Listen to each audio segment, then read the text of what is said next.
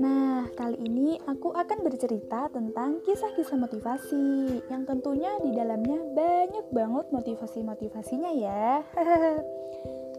ini adalah salah satu kisah motivasi dari ipinko.com yang berjudul Kerang Kecil di Lepas Pantai. Di sebuah lepas pantai, beberapa ekor kerang kecil sedang bermain-main di terjang ombak pantai yang terlihat tenang. Namun, dalam sebuah sapuan ombak yang tiba-tiba datang, satu buah kerang tiba-tiba menjerit kesakitan. Rupanya, ombak yang menerjangnya membawa pasir laut yang tajam masuk ke dalam tubuh di cangkangnya. Kerang kecil itu pun mengadu pada ibunya. Sambil terus menangis, ia berkata pada ibunya, Tolong aku, ibu. Pasir tajam ini benar-benar menyiksa aku. Tolong keluarkan benda kecil ini dari dalam tubuhku. Aku ingin kembali bebas bermain-main dengan kawan-kawanku. Sang ibu merasa kasihan, tapi ia tak bisa berbuat apa-apa. Hanya nasihat yang mampu diucapkannya. Anakku, kita ini terlahir tanpa tangan. Jadi, terima saja pasir yang masuk ke dalam tubuhmu. Coba tahan rasa sakit itu. Ibu tahu, itu tentu sangat menyakitkan. Tetaplah semangat dalam melawan rasa pedih yang pasti bakal menyiksamu. Untuk mengurangi rasa sakit itu, balutlah pasir itu dengan getah lembut yang keluar dari dalam tubuhmu. Hanya itu satu-satunya jalan yang bisa kamu lakukan saat ini. Hibur ibu kerang sembari terus mencoba menenangkan anaknya. Hari itu berlalu menjadi hari yang amat menyakitkan bagi kerang kecil. Nasihat ibunya selalu dituruti. Namun, sakit akibat tusukan sudut tajam pasir itu terus menyiksanya. Begitu seterusnya.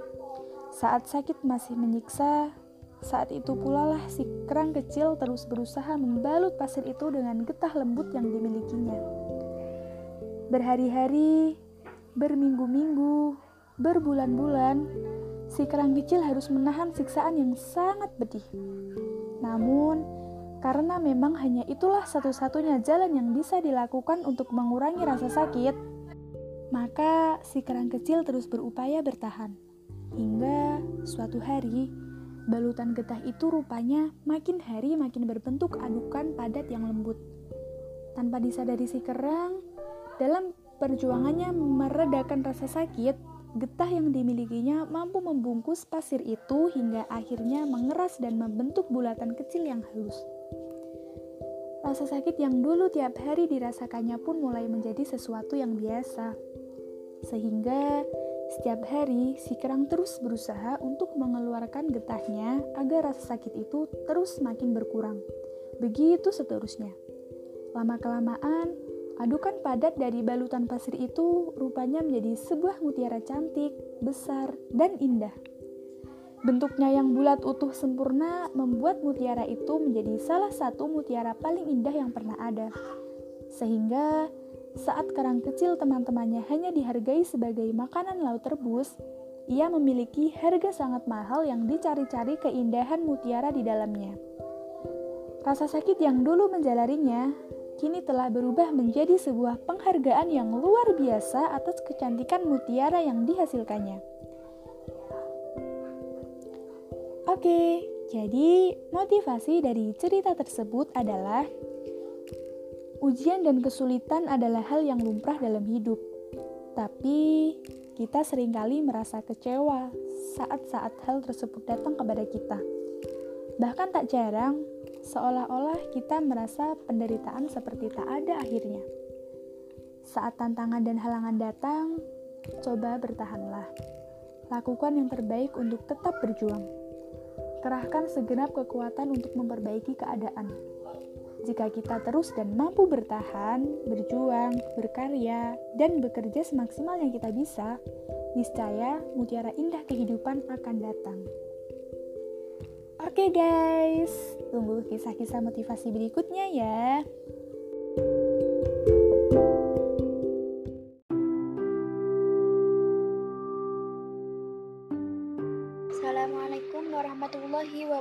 Wabarakatuh. Halo semuanya, jumpa dengan saya di sini. Di sini, aku, saya ingin menceritakan sebuah kisah. Hmm, Kisah apa itu? Penasaran kan? Eh, tahu nggak kawan-kawan? Aku kali ini ditemani nih dengan hujan yang melupakan segala rasanya. Kayak ada manis-manisnya gitu. Cielah, malah ngebucin. Hmm, kita mulai aja ya. Nih, aku mau ceritain buku novel karya di Shinzai Ye. Nanti aku kasih tahu di akhir ceritanya ya. Siapakah di Shinzai Ye ini? Hmm. Oke kawan-kawan, dengerin aku cerita dulu ya. Temanya adalah salah presentasi. Sebuah puisi. Semut, aku mohon Jangan ceritakan padanya tentang tangisku ini. Air mata ini tak tampak secara fisik, tapi ia ada, hadir di dasar terdalam. Bagai rinai hujan, turun deras membentuk lautan. Ia kusembunyikan pada wahana paling jauh. Jantung Disi berdetak sangat cepat terukir sejuta tanda tanya di benaknya. Dengan langkah pelan, ia membuntuti Bu Tutik dari belakang. Zai, selamat ya. Kamu terpilih menjadi 10 finalis lomba cerpen kemarin, ujar Bu Tutik dengan sudah ketika sudah tiba di ruang guru. Disi dengan panggilan Beken Zai tersenyum demikian gembira mendengar kabar baik itu. Zai masuk finalis? Tanyanya seakan tak percaya. Senyum itu makin melebar. Pututi juga membalas senyum. Hati Zai bersorak-sorai bangga. Ia menghembuskan nafas kebahagiaan. Tapi, kamu harus mempresentasikan karya kamu untuk menentukan juara satu, dua, atau tiga. Kamu harus bisa. Dan Ibu yakin kamu pasti bisa. Tegas Bu Tuti. Disi terdiam, belum mengerti akan penjelasan Bu Tuti. Presentasi, Bu? Iya, meng ia mengenyirkan dahi. Iya, kamu menceritakan cerpenmu dengan bahasa lisanmu. Dengan bahasamu sendiri, kamu harus baca lagi cerpenmu, kemudian pahami inti cerpennya, Pokoknya, kamu harus bisa bicara di depan dewan juri. Jangan gugup, karena sikap juga akan mendapat penilaian. Kalau kamu gugup, itu berarti mengurangi nilai kamu. Bu Tuti menerangkan panjang kali lebar, Disi mengangguk-angguk tanda mengerti. Langkahnya ringan seperti kapas ketika Disi kembali ke kelas. Senyum manisnya berbek indah. Tak sabar, ia segera menarasikan kabar gembira yang diterimanya kepada Vera, teman sebangkunya. Wah, kamu hebat, Zai. Aku bangga punya teman sepertimu. Kamu harus bisa membawa nama bagi sekolah kita. Oke? Jangan keras-keras. Nanti seisi kelas dengar. Aku nggak pengen semua orang tahu. Malu. Vera tersenyum saja, mengerti. Ia mengikuti keinginan temannya. Bunga itu makin mekar, angannya melambung tinggi. Saat itu, Disi seperti terbang ke angkasa, hendak menggapai bintang pujaannya. Saat itu, sedang berlangsung pelajaran biologi di kelas 10A. Oh, Disi jadi tak konsentrasi dibuatnya. Ia larut dalam khayalan. Ia amat bersyukur. Semoga ini jadi awal segalanya. Harapnya dalam hati. Assalamualaikum. Waalaikumsalam. Terdengar jawaban serempak dari dalam ruangan perpustakaan. Wanita paruh baya dengan kerudung krem itu menghampiri Bu Tuti dan Disi yang berdiri ragu di daun pintu. Dari pakaiannya yang berlabel Dinas Pendidikan, jelas menandakan bahwa wanita itu seorang guru. Sambil melempar senyum ramah, ia menyapa. Ada yang bisa saya bantu? Bu Tuti membalas senyum bersahabat itu. Maaf Bu, Hmm, peserta lomba cerpen di mana ya tempat presentasinya? Oh iya di sini mari bu, silahkan masuk. Ini ya pesertanya. Katanya sambil menunjuk ke arah Disi. Siapa namanya dan dari sekolah mana? Lanjut. Wanita itu menuntun Disi dan Bu Tuti masuk ke tempat yang dituju. Ini perwakilan dari Malimping. Disi Ayuni Yusuf yang terpilih jadi 10 besar lomba cerpen. Bu Tuti menjelaskan sambil mengikuti langkah wanita itu. Oke, di sini presentasinya.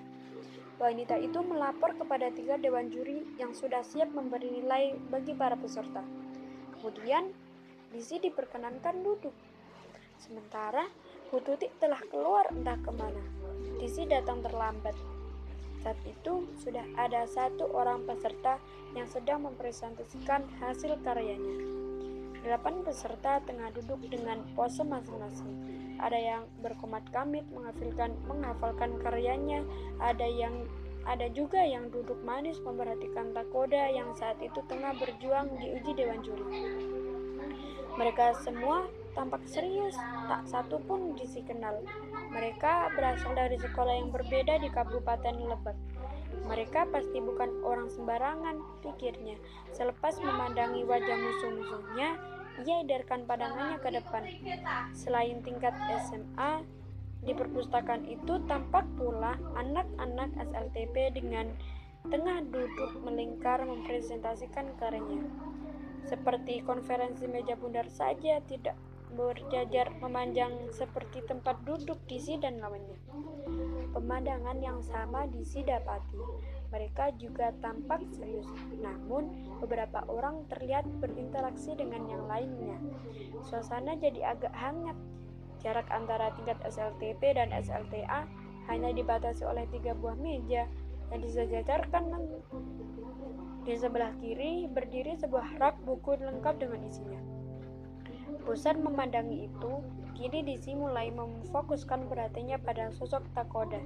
Disi dibuat ciut nyalinya menyaksikan musuhnya begitu menguasai bahan yang dipresentasikan. Sesaat setelah mendengarkan Takoda, dahinya mengerut. Di benaknya terukir sejuta tanya. Ia melirik ke sebelah seorang teman sebayanya yang berkerudung panjang tengah asik membaca naskah. Disi tersenyum canggung menatap cewek itu. Senyuman bersahabat yang disuguhkan cewek itu membuatnya berani meminjam naskah. Aneh, kok arti kebudayaan sih? Kok bukan cerpen? Tanya Disi dalam hati. Ia terus saja membuka halaman demi halaman naskah cewek itu yang isinya menjelaskan tentang kebudayaan masyarakat Lebak. Bukan cerpen seperti naskah miliknya. Disi jadi gelisah. Ia memandang ke arah Takoda lagi. Takoda pun menjelaskan Isai tentang kebudayaan. Selain ganteng, cowok ini pintar juga, lancar banget presentasinya. Disi memuji dalam hati, tak dapat disangkal, ia mengagumi sosok keturunan, keturunan Jepang itu. Neng, naskahnya udah belum? Saya mau baca lagi, ujar cewek di sebelahnya. Disi kelagapan, baru tersadar naskah yang ada di tangannya. Segera ia kembalikan naskah tersebut dan kembali-kembali memperhatikan Takoda. Semua bertepuk tangan. Takoda diberi aplaus meriah ketika menghampiri presentasinya. Cowok bermata sedikit itu mendapat pujian manis dari dewan juri. Tak heran, semua pertanyaan dijawabnya dengan attitude tenang serta maksud akal. Peserta kedua adalah seorang cowok berkacamata dengan pede mempresentasikan karyanya. Ia menerangkan hal yang sama tentang pengertian dan ruang lingkup budaya di Tapanuli. Disi terus berpikir, ingin sekali bertanya pada kawan sebelahnya mengapa presentasinya seperti isai tentang kebudayaan. Mengapa bukan cerpen? Tapi Disi tak punya kebenar keberanian untuk menanyakan keresahan hatinya. Bibirnya begitu berat untuk mengungkapkan kegelisahan yang bercokol di sanubari. Ia melirik setiap orang di ruangan itu. Namun, semua sibuk dengan aktivitas masing-masing. Tak ada aktivitas masing tak ada yang mengerti resah gundahnya. Ah, Mungkin aku juga harus menerangkan hal yang sama seperti Takoda dan si misterius itu kali ya. Disi bergumam dalam hati. Menjauh kebingungannya, sebisa mungkin otaknya berputar-putar-putar terus memanggil memori yang berkaitan dengan kebudayaan. Dek, jantung Disi berdegup kencang. Si misterius berkacamata itu telah duduk kembali di habitatnya. Kini giliran Disi yang dipanggil Dewan Juri. Tak mengerti dirinya kenapa kakinya begitu berat untuk melangkah. Untuk pertama kali dalam sejarah hidupnya, ia melakukan presentasi di hadapan orang-orang asing. Orang-orang yang tak pernah terlintas dalam pikirannya. Satu persatu, ia memandang Dewan Juri sebelum memulai keringat panas dingin bercucuran membanjiri dahi. Demam panggung tak terelakkan. Tapi ia tak menyerah. Ia kerahkan segenap keberanian untuk bersuara lantang. Assalamualaikum warahmatullahi wabarakatuh. Disi memandangi membagi pandangan ke seluruh peserta. Tak terkecuali Takoda pun turut dilirik. Takoda balas menatap. Disi tersenyum riang. Duh, tatapan Takoda kerasa sampai ke hati. Disi berjalan dalam hati. Perasaan nakalnya mulai kumat setiap berhadapan dengan cowok ganteng. Setelah mendapat jawaban, dengan hati-hati Disi melanjutkan kalimat. Nama saya Disi Ayuni Yusuf, perwakilan dari SMA Negeri 1 Malingping. Di sini saya akan mencoba mempresentasikan hasil karya saya yang bertema kebudayaan dapat memperkaya keragaman bangsa Indonesia. Disi terdiam beberapa detik. Ia menarik napas panjang untuk mengembalikan daya ingat. Um, seperti yang kita ketahui, bahwasanya kebudayaan terdiri dari cipta, rasa, dan karsa manusia. Bangsa Indonesia kaya akan budaya, kebudayaan. Namun, sampel yang saya ambil mengenai kebudayaan di Toraja. Toraja memiliki kebudayaan yang unik dan sangat menarik. Pertama, mengenai rumah-rumah tradisional. Kedua, upacara penguburan yang dilakukan di bukit atau di puncak gunung. Begitupun dengan makanan khasnya. Kabupaten Tanah Toraja terletak di pedalaman Provinsi Sulawesi Selatan, 340 km ke arah utara dari Makassar, dengan ibu kotanya Makale. Latar belakang arsitektur rumah tradisional Toraja menyangkut falsafah kehidupan yang merupakan landasan dari perkembangan kebudayaan Toraja. Wisata budaya Tanah Toraja adalah objek wisata Sulawesi Selatan yang paling populer. Wisatawan mancanegara mengenalnya sebagai objek wisata budaya dunia. Tanah Toraja terkenal dengan kekayaan budayanya, seperti rumah adat Tongkonan, upacara pemakaman Rambu Solo, pekuburan Gua Londo, dan pekuburan Batu Lemo, serta pekuburan bayi gembira. Atap rumah adat tongkonan terbuat dari daun nipah atau daun kelapa dan dapat bertahan sampai puluhan tahun. Tongkonan juga memiliki strata sesuai derajat kebangsawanan masyarakatnya. Terdiri dari strata, stratata, emas, perunggu, besi, dan kuningan. Kesan yang seketika mencuat saat melongak ke dalam tongkonan adalah tua dan gelap. Jenazah disemayamkan di dalamnya selama berbulan-bulan, bahkan bertahun-tahun, di atas balai-balai setinggi pinggang di sudut ruang dalam tongkonan. Di ruang itulah jenazah disimpan menunggu acara pemakaman. Upacara kematian Rambu Solo dan Rambu Tuka atau upacara syukuran merupakan momen khas dan sangat menarik. Selain itu, dikenal juga upacara Mak Nenek Sedangkan Rambu Solo adalah upacara adat untuk memakamkan leluhur dengan acara sapu randanan dan tombi saratu. Kegiatan upacara adat selalu ada setiap kecamatan. Namun, waktunya memang tidak menentu karena upacara tersebut melibatkan seluruh keluarga. Biasanya diselenggarakan di hari libur agar seluruh keluarga bisa berkumpul. Disi terdiam sebentar, berpikir harus bicara apa lagi. Disi benar-benar mentok Otaknya sudah berusaha mutar-mutar terus untuk memuntahkan hasil serapan yang didengar dari mulut Takoda dan cowok berkacamata. Si misterius itu, serta hasil menyimak sekilas dari naskah yang dipinjamnya. Lama ia terdiam, ia begitu resah. Oke, okay, Disi, presentasi kamu cukup di sini saja. Sepertinya kamu perlu menarik napas dulu. Ayo, tarik napasmu pelan-pelan supaya kegugupanmu hilang. Salah seorang dewan juri berkomentar. Disi tersenyum kecut. Meski ragu, ia ikuti juga saran itu. Hasilnya, Disi bisa berdiri tenang menghadapi tiga dewan juri dan musuh-musuhnya.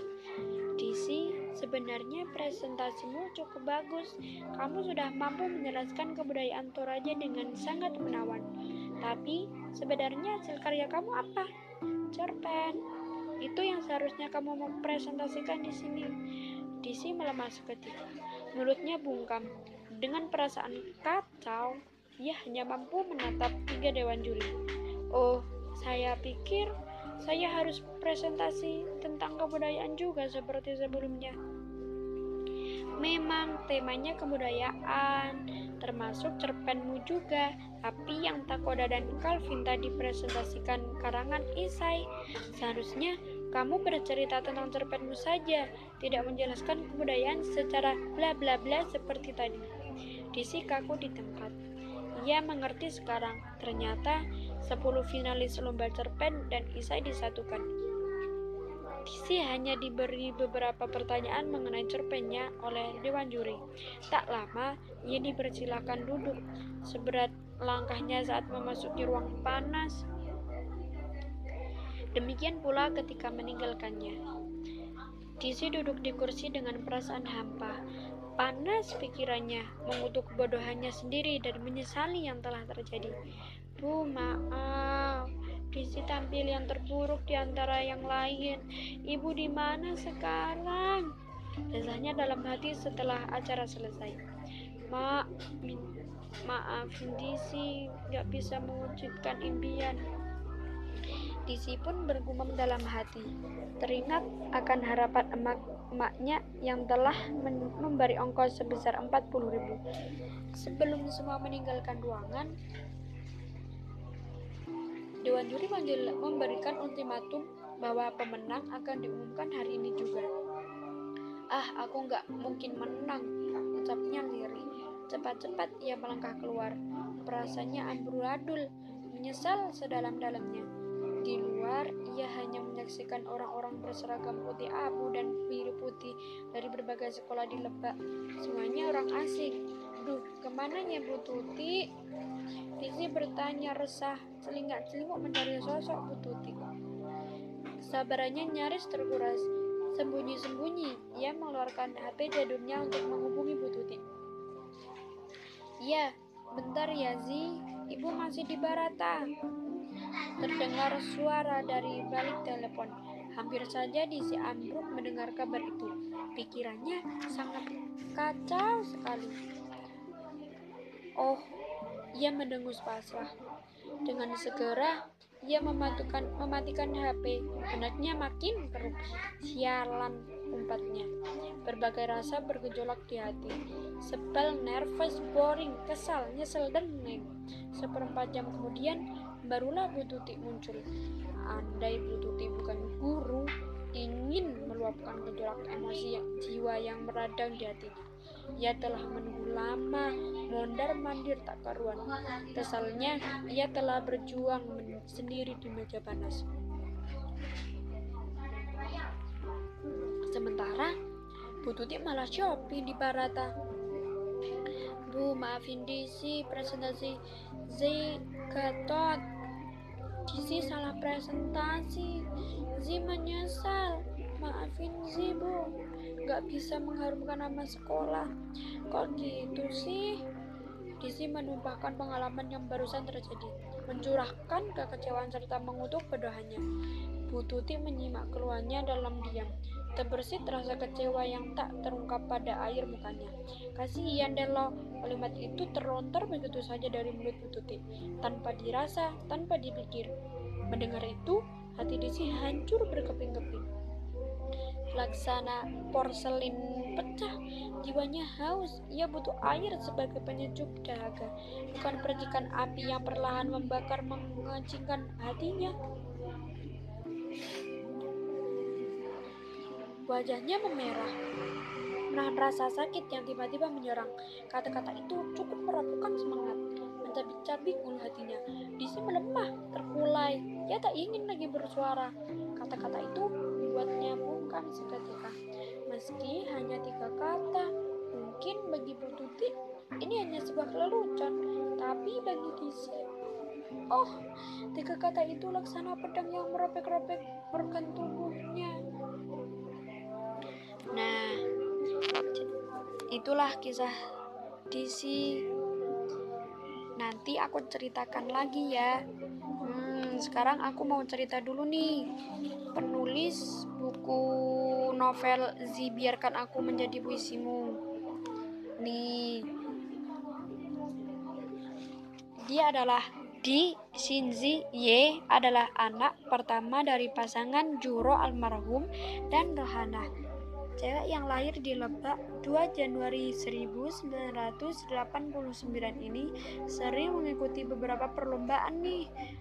Menulis di situs sejarah sosial Facebook tak terhitung pula jumlah kegagalan yang pernah diterima walaupun begitu ia tak pernah kapok untuk terus mengikuti lomba-lomba menulis tidak sekadar ingin mendapatkan hadiah tapi juga mengasah kemampuan ia senang menulis yang dikejar deadline karena dengan begitu karya akan lebih cepat dihasilkan. Kadang untuk bisa menulis kita harus keras terhadap diri sendiri. Begitu menurutnya. Hmm, bisa jadi motivasi nih. Sejumlah karyanya juga banyak yang terbit. Nanti aku eh, ceritain lagi ya. Terima kasih telah mendengarkan.